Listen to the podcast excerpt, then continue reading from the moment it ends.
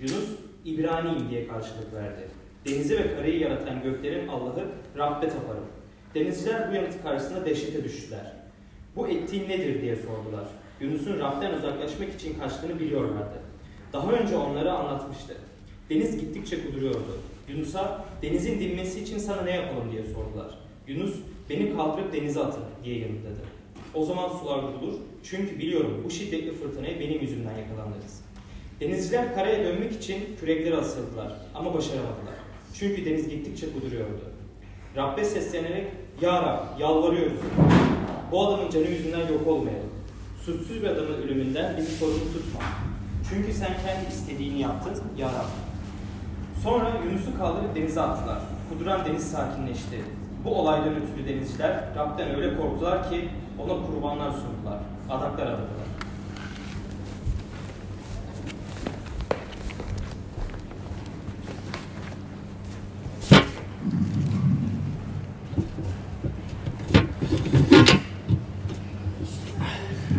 Merhabalar, hoş geldiniz.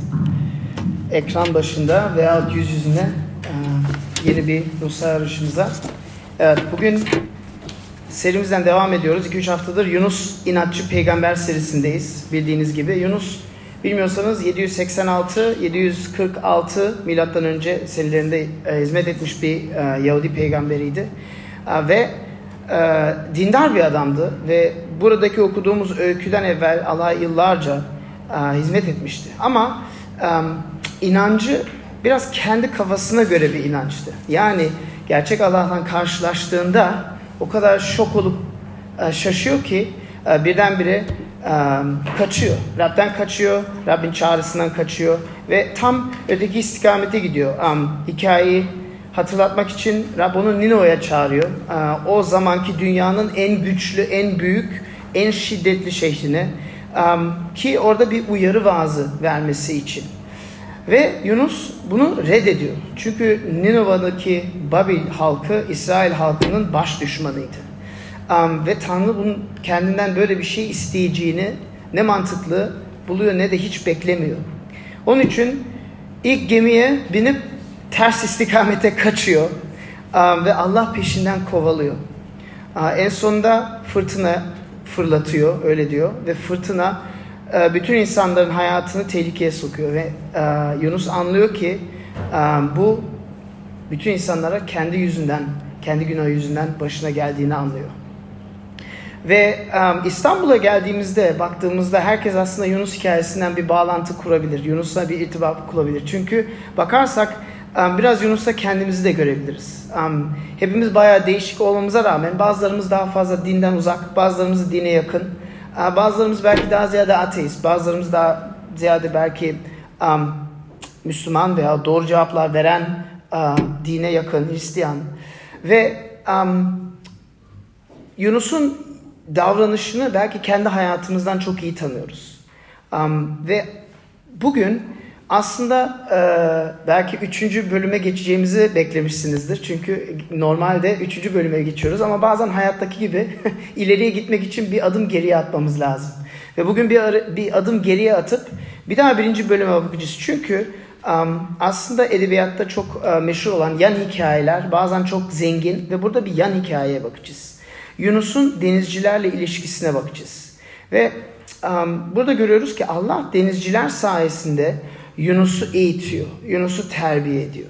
Ve aslında çok ilginç bir ironi düşünürseniz Yunus dediğimiz gibi çok milliyetçi hatta ırkçı bir a, Yahudi ve a, Ninovalardan nefret ettiği için a, ve dininden ve soy ağacından gurur duyduğu için ve gavurlardan kaçmaya kalktığı için gemiyi alıp öteki tarafa gidiyor. Ve bir de bakıyor geminin ortasında gavurlar arasında kendisini yine buluyor. ve um, aslında çok ilginç bir şey. Yalnız bu değil. Sonunda e, bu bölümün sonuna bakarsanız nefret ettiği insanlar için kendini ölüme atıyor. Kendini feda ediyor. Çok ilginç bir e, yan hikaye bu kitabın.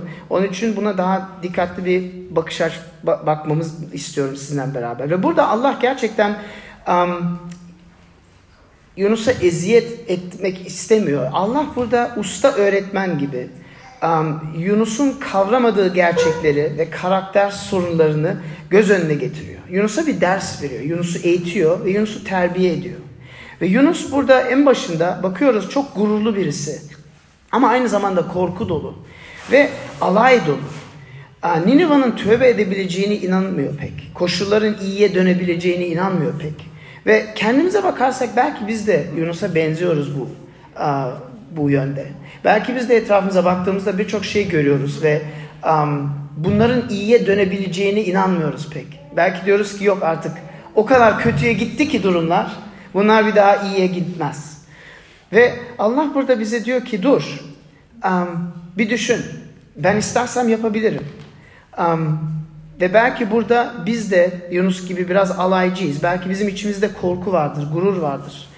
Um, belki biz de bakarız, bırak etrafındaki bu dünyayı, bu insanları bırak. Ben yalnız kendi işime bakacağım. Kişisel hedeflerime bakacağım. Kendi hayatıma öncelik tanıyacağım. Um, ve kendimizle beraber bu, gemide bulunan insanları unutuyoruz. Uh, gemi derken mahallemizde yaşayan insanları unutuyoruz. İşte uh, bizimle beraber çalışan insanları unutuyoruz. Belki apartmanımızda oturan insanları unutuyoruz. Uh, ve onlara belki önem vermiyoruz. Halbuki onlara önem versek acaba nasıl bir etki olabilir onların hayatında? Biz onların hayatında nasıl bir etki olabiliriz? Denizcilerin amacı aslında burada Allah Yunus'u ensesinden tutuyor biliyorsun kedilerden bazı yapıyoruz ya. Ensesinden tutuyor ve aslında suratlarına karşı karşıya getiriyor. Diyor ki bu insanlar senin görevin diyor. Bu insanlar yüzünde sen buradasın diyor.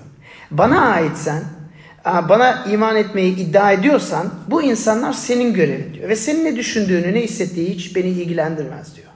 Belki senden farklı olabilirler diyor. Belki senin gibi Yahudi olmayabilirler. Belki senden başka türlü inanabilirler. Ama yine de um, bu senin işin ve um, kendi kendine basıp gitmeye hiçbir hakkın yok. Ve bilmiyorum bugün bunu baktığımızda Yunus'a ne kadar benziyoruz. Um, belki yaşadığınız yerde kendinizi daha ziyade misafir gibi hissediyorsunuz. Belki um, aslında burada bile yaşamak istemiyorum. Yaşa, yaşayabilsem başka bir yerde yaşamak isterim uh, diye düşünüyorsunuz. Um, ama Allah bugün Yunus'a bir ders veriyor ve Yunus'a konuşarak bizlere de konuşuyor.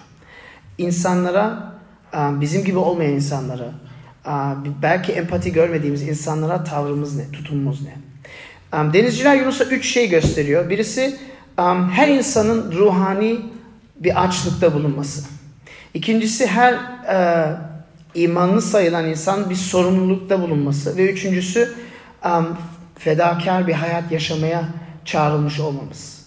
Ruhani açlık, sorumluluk ve fedakarlık. Ruhani açlık, açlıktan başlarsak 5. ayete bakarsanız um, gemiciler korkuya kapıldı diyor. Ve her birisi kendi ilahına yalvarmaya başladı diyor. Bakın denizciler bizlere şunu gösteriyor aslında. Her insan veya insan doğasında derin bir ruhani açlık var. Bir dindarlık var. Ve bunu um, Paulus çok net bir şekilde Romalı mektubunun birinci bölümünde bize göz önüne getiriyor. Diyor ki insan doğasına bakarsanız insan doğasında bu var diyor. Tapınma zorluluğu var diyor. Ve diyor ki her insanda şu var diyor ve şöyle diyor ayetlerini okursam um, Allah'ı bildikleri halde onu Allah olarak yüceltmediler. Ona şükretmediler. Tersine düşüncelerinde budalığında düştüler. Anlayışsız yüreklerini karanlık bürüdü. Akıllı olduklarını ileri sürerek akılsız olup çıktılar.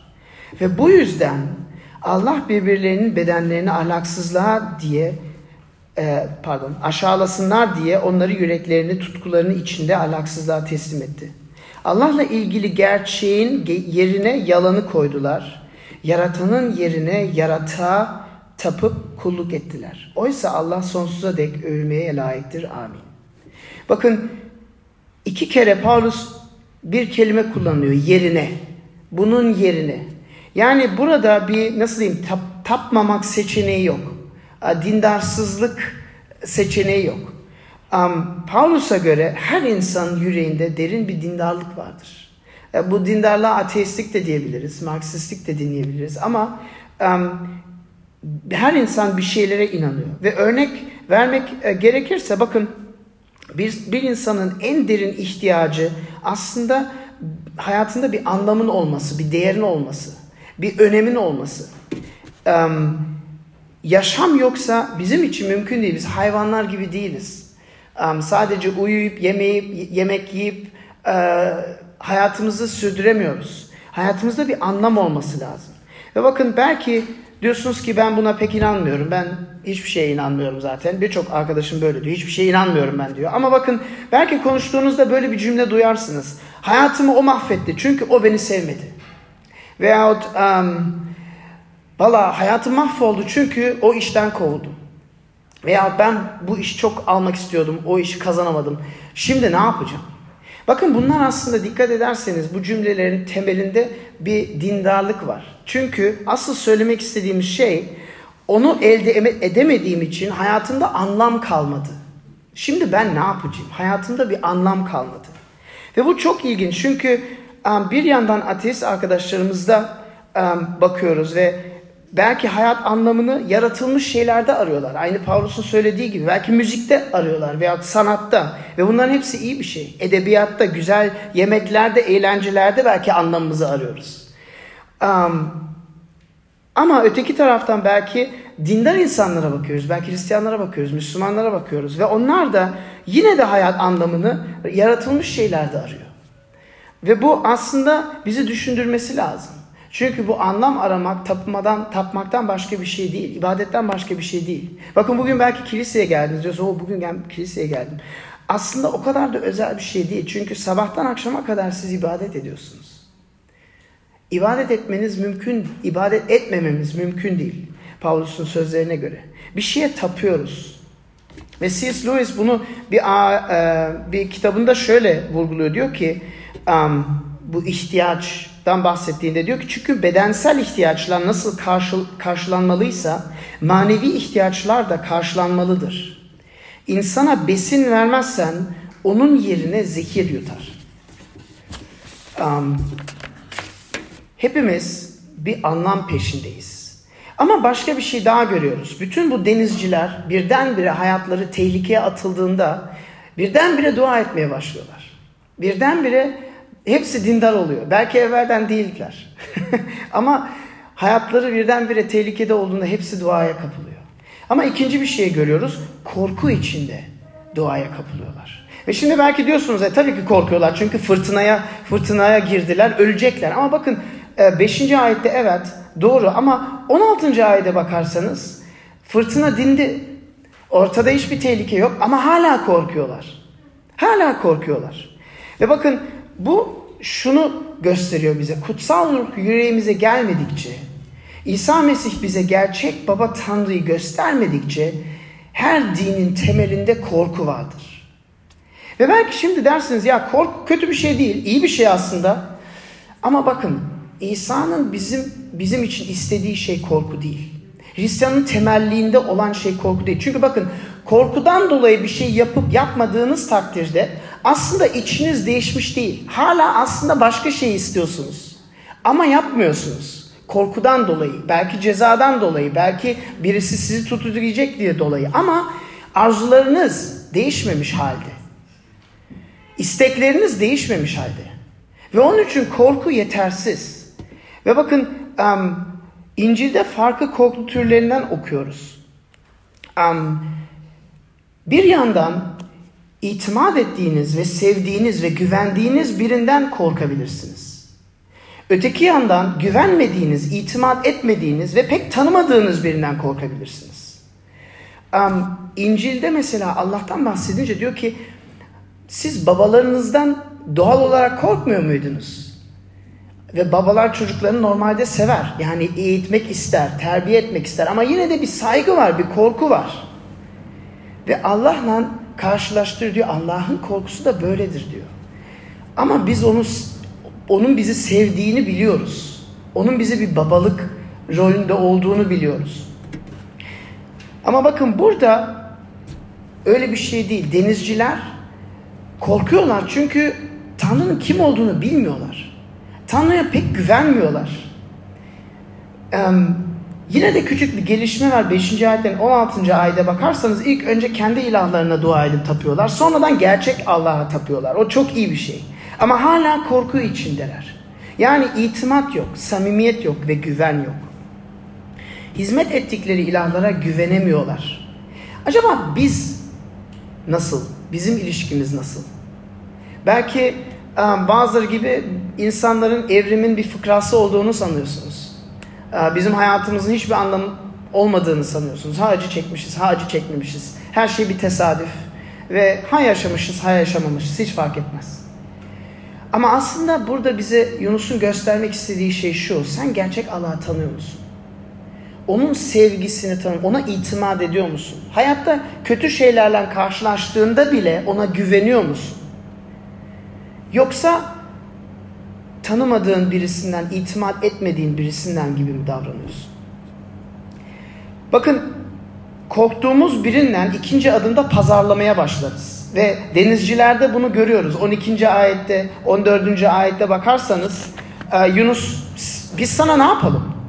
Hepimiz ölmek istiyor. Biz sana beni denize atın diyor. Ama bunlar denizciler bunu yapmak istemiyorlar. Çünkü bunun yanlış olduğunu biliyorlar. Küreklerle daha çabalıyorlar. Bilmem neler yapıyorlar. En sonunda görüyorlar ki hiç başka bir çözüm yok. Ve Yunus'u atmaya razılar. Ama Allah'a ne diyorlar? Bizi yargılayacak mısın? Biz sizin... Ben, Tanrım ya bu senin yapın. Lütfen bizi öldürme. Lütfen. Bak biz bunu yapıyoruz ama başka çaremiz yok. Pazarlık, pazarlığı görüyor musunuz? Benim bir e, tanıdığım, benim bir mentorum bir kitabında şunu yazıyor. Diyor ki um, sabah 3'te benim bir gün telefonum çaldı diyor. Ve hastaneden birisi arıyor diyor. Bir din adamından konuşmak istiyormuş birisi diyor. Bir hasta. Adam yatağından kalkıyor, giyinip çıkıyor arabasına biniyor, hastaneye gidiyor. Onu çağıran beyefendiyle görüşüyor. O da çok utangaç diyor ki ya e, çok affedersiniz sizi rahatsız ettim. Um, bana bir röntgen vermişler ama ben de ölümcül kanserden öleceğim yani öleceğimi zannediyordum. Ama sonradan farkına vardım ki ya bir yanlışlık olmuş bu benim röntgenim değilmiş başkasının röntgeniymiş. Onun için ben size söyleyeceğim hiçbir şey yok kusura bakmayın boşuna geldiniz. Aslında bu bizim Allah'la ilişkimizi çok net bir şekilde meydana vuruyor. Allah'la mecbur kalırsak bir ilişki kuruyoruz. Hiç başka bir seçeneğimiz olmazsa ilişki ve belki pazarlayarak ilişki kuruyoruz. Ve zor duruma düşmediğimiz takdirde eğlenceye gidiyoruz. Yani ondan fazla yani bir ilişkimizi sürdürmek istemiyoruz. Pardon, röntgenim yanlış çıktı. Ben öleceğimi zannettim ama ölmeyeceğim. Onun için daha vaktim var. Daha vaktim ya. Daha senden başka daha o sorularla karşı karşıya gelmem lazım değil. Bakın korku ve pazarlama. Ben kendimden bir örnek vereyim. Ben çok iyi hatırlıyorum.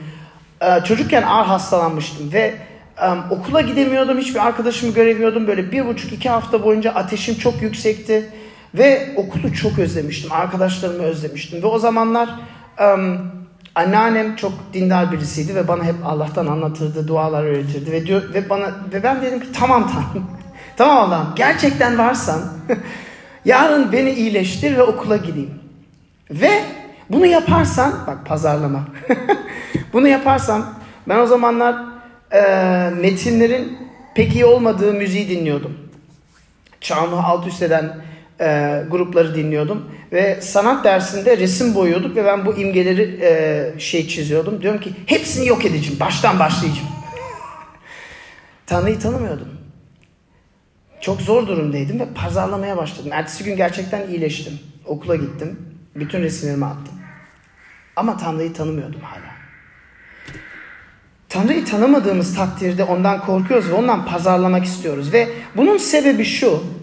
Benim en çok sevdiğim ateistin kim olduğunu artık bilirsiniz. Thomas Nagel diye birisi. Pulitzer ödülü kazandı. Onun kitabında, Son Söz kitabında diyor ki bütün insanlarda ben evrensel bir otorite sorunu görüyorum diyor.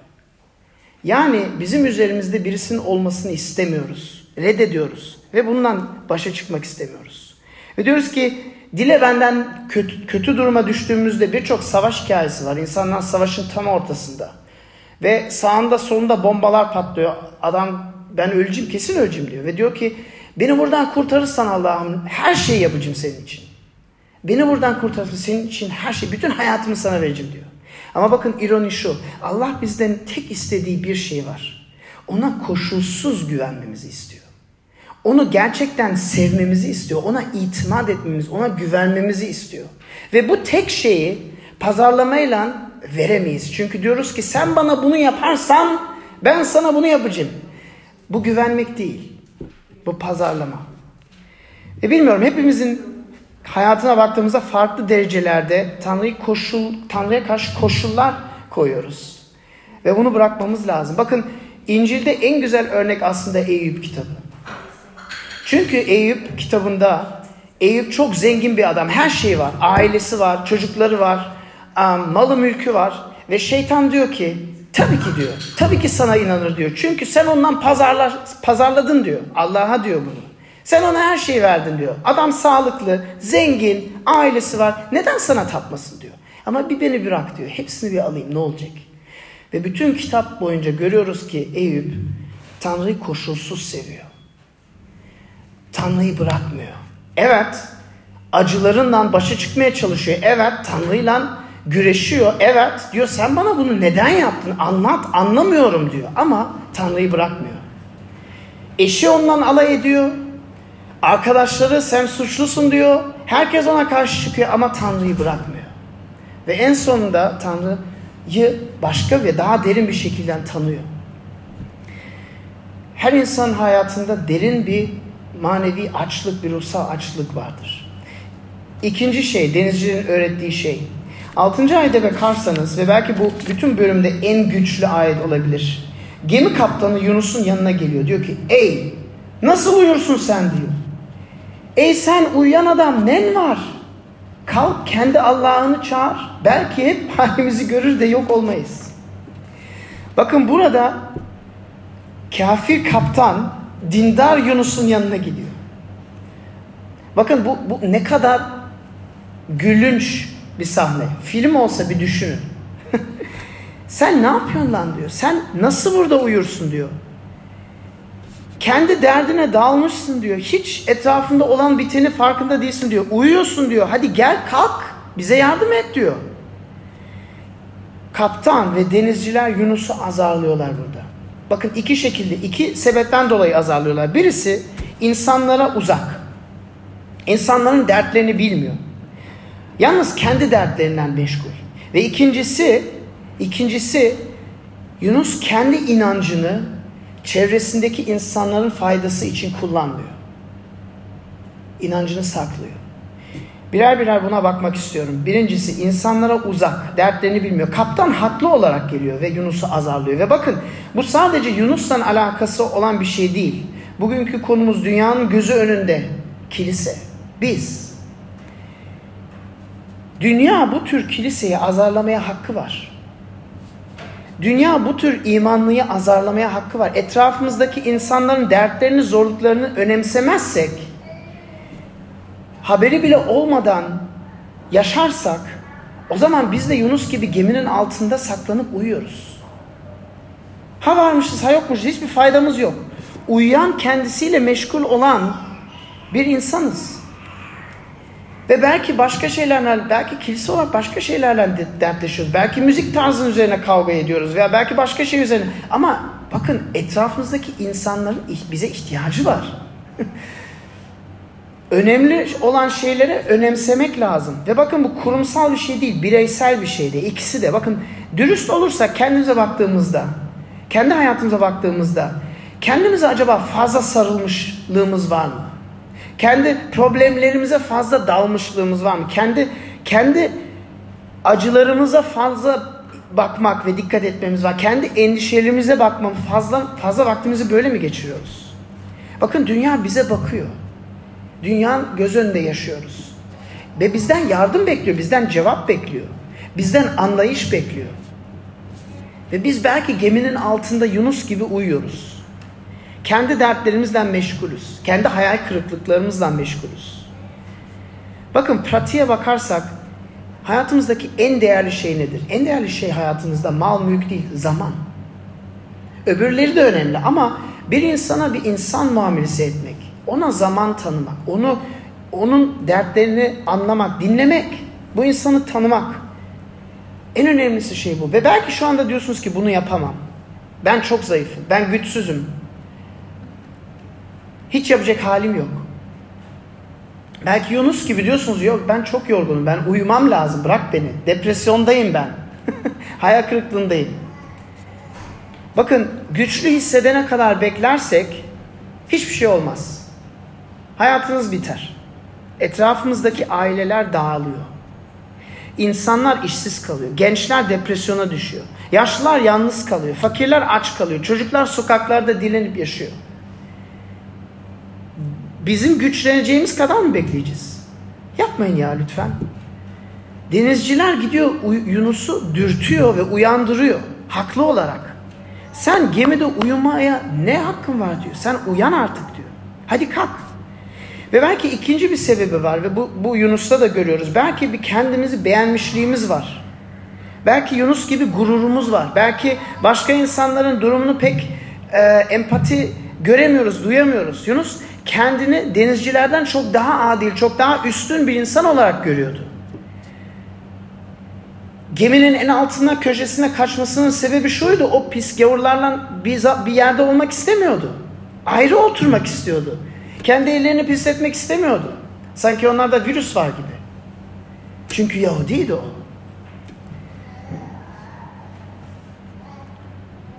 Bakın Yunus bir şeyi unutmuş durumda.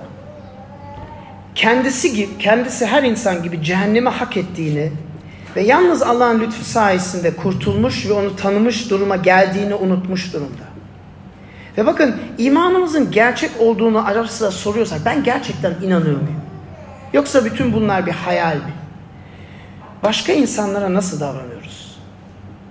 Bizim gibi olmayan insanlara nasıl davranıyoruz? Bizim gibi düşünmeyen insanlara nasıl davranıyoruz? Bizim sevmediğimiz insanlara nasıl davranıyoruz? Bakın İsa'nın bize verdiği müjdenin temel mesajı bu. Ve bu çok ağır bir şey anlıyorum. Kabul etmesi zor bir şey. Ama bakın Allah'ın bakış açısına geçtiğimizde dünyanın en ahlaklı, en dürüst, parantez içinde iyi insanı bir yana alın. Öteki yana uyuşturucu baronunu alın. Allah'ın bakış açısından bakarsanız ikisinin arasındaki fark çok önemsiz. Çok önemsiz. Çünkü hiçbirisi Allah'ı istediği kadar, sevdiği kadar yani gerektiği kadar sevmemiş durumda. Bakın bunu anlamak zor ama matematikten bir, bir örnek vereyim. Sonsuz sayısını biliyorsunuz değil mi? Sonsuz. Oğlum geçen gün geldi dedi baba sonsuzdan bin çekersem bin alırsam ne kadar kalır dedi. Sonsuz. Peki sonsuza bin eklersen ne kadar kalır? Sonsuz. Bakın en adil insana bin puan diyelim. Adaleti bin puan. En adaletsiz insana eksi bin diyelim. Sonsuzluktan bakarsanız hiçbir fark yok. İkisi de cehenneme hak etmiş. İkisi de hiçbir, Tanrı'nın önünde hiçbir hakkı yok. Yunus bunu unutmuş, bunu unutmuş. Bunu aklından çıkartmış ve bakın belki bunu inanamıyorum diyorsanız tebrikler. İsa'nın tek azarladığı insan grubuna hoş geldiniz. Buna inanamıyorsanız insan hayatına baktığı, İsa'nın hayatına baktığınızda tek bir insan grubu var devamlı didişiyor. Ferisilerle, dindar insanlarla. Bakın iki ayet vereceğim. Birisi Mata 21'den, birisi Markus 2'den. Diyor ki size doğruyu söyleyeyim diyor. Vergi görevlileriyle fahişeler Tanrı'nın egemenliğine sizden önce girecekler diyor. Bakın vergi görevlisi olmak iyi bir şey mi? Hayır. Çünkü insanları soyuyorlar. Fahişe olmak iyi bir şey mi? Hayır. Çünkü yanlış yaşıyorlardı. Kendine ve etraftaki insanlara ama kendini adil sanmak bundan çok daha kötü bir şey. Markus 2'de diyor ki kendini kendini e, sağlamların değil hastaların hekime ihtiyacı var diyor. Ben doğru kişileri değil günahkarları çağırmaya geldim diyor. Bakın burada bazı insanların adil olduğu hasta olmadığını söylemiyor. Sadece diyor ki siz kendinizi hasta olarak görmüyorsunuz diyor. Kör gibisiniz diyor. Bakın kendimizi üstün görürsek İsa bizim kurtarıcımız olamaz. İmkansız. Ve Yunus bunu yavaş yavaş anlamaya başlıyor. ve insanlara karşı tutumunu denizci geliyor, kaptan uyandırıyor. Ne yapıyorsun sen burada diyor. Sen neden uyuyorsun diyor. Ve Yunus yavaş yavaş hatırlamaya başlıyor ve tutumunu değiştiriyor. Denizciler Yunus'u uyandırıyor ve azarlıyor. Çünkü etraftaki insanların dertlerinden haberi yok. Ve kendi inancını ortak faydaya, kamu yararı için kullanmadığı için azarlıyorlar. Bakın yardım edip destek etmesi gerekirken, destek desteklemesi gerekirken uyuyor. Bakın kendimize bu soruyu soralım. Bunu hem bireysel hem kurumsal olarak çok iyi bir soru bence.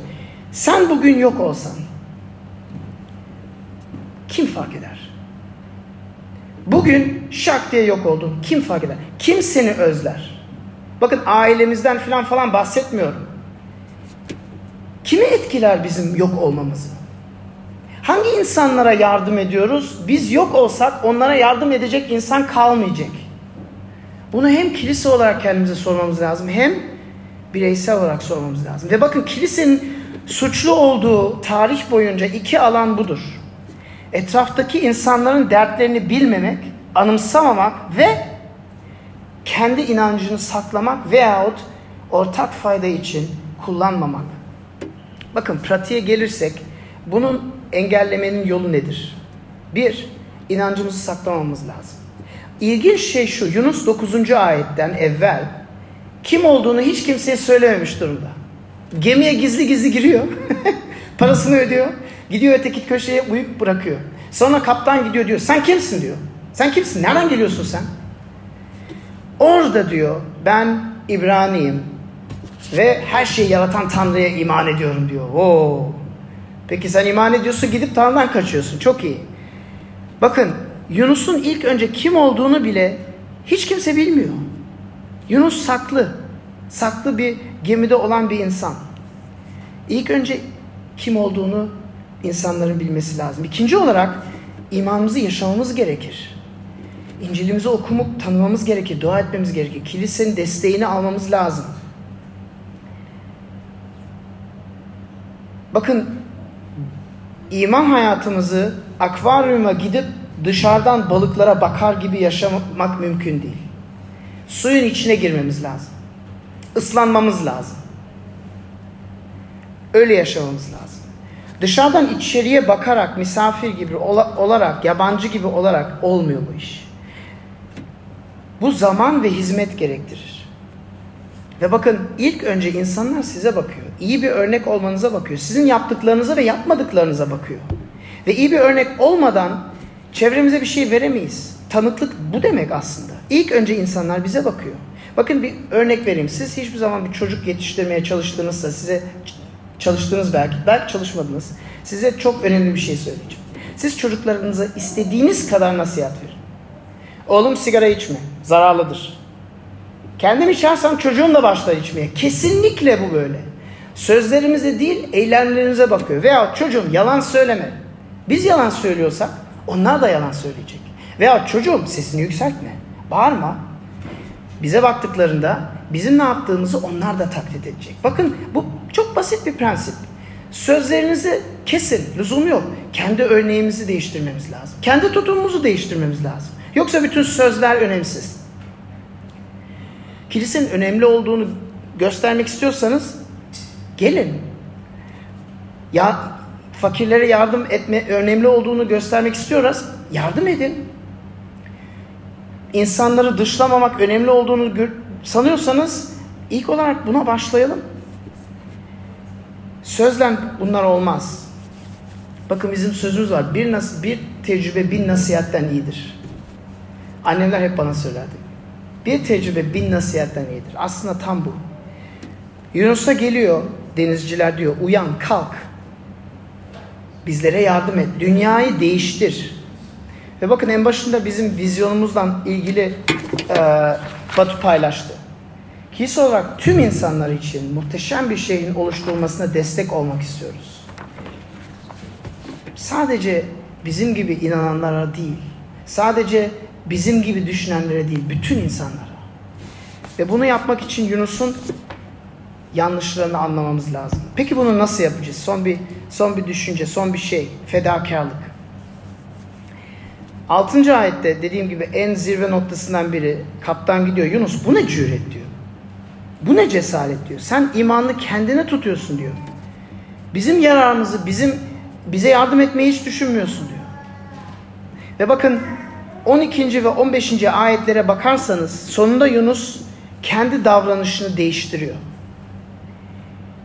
Çünkü kendi davranışı etrafındaki insanları nasıl bir tehlikeli duruma soktuğunu anlıyor.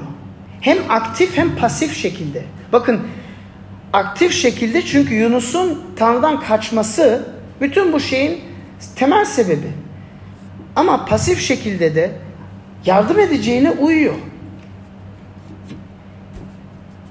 Ve insanlara kalkıp ilgilenmeye başladığında, tövbe ettiğinde, kendi hayatını feda etmeye razı olduğunda inancının gücü ne kadar net meydana çıktığını görüyor musunuz? İnancının gücü ne kadar net meydana çıkıyor. Bakın bu denizciler evvelden herhangi bir tanrıya dua ediyorlardı. Şimdi gerçek tanrıya dua ediyorlar. Gerçek Tanrı'ya dua ediyor. Hatta diyor ki bu olaylardan ötürü denizciler Rab'den öyle korktular ki ona kurbanlar sundular, adaklar adadılar diyor. İman ettiler mi? Belki değil ama belki doğru adımları attılar.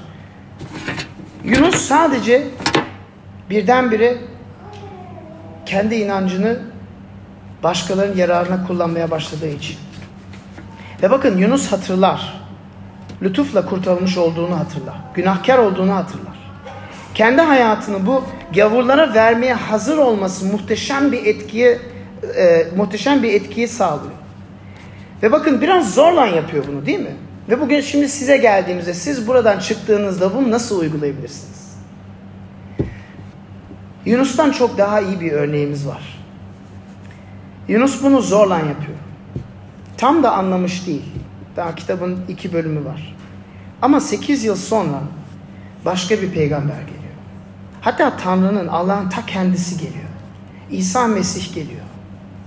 Ve başkalarına diyor ki ben gerçek Yunus'um diyor.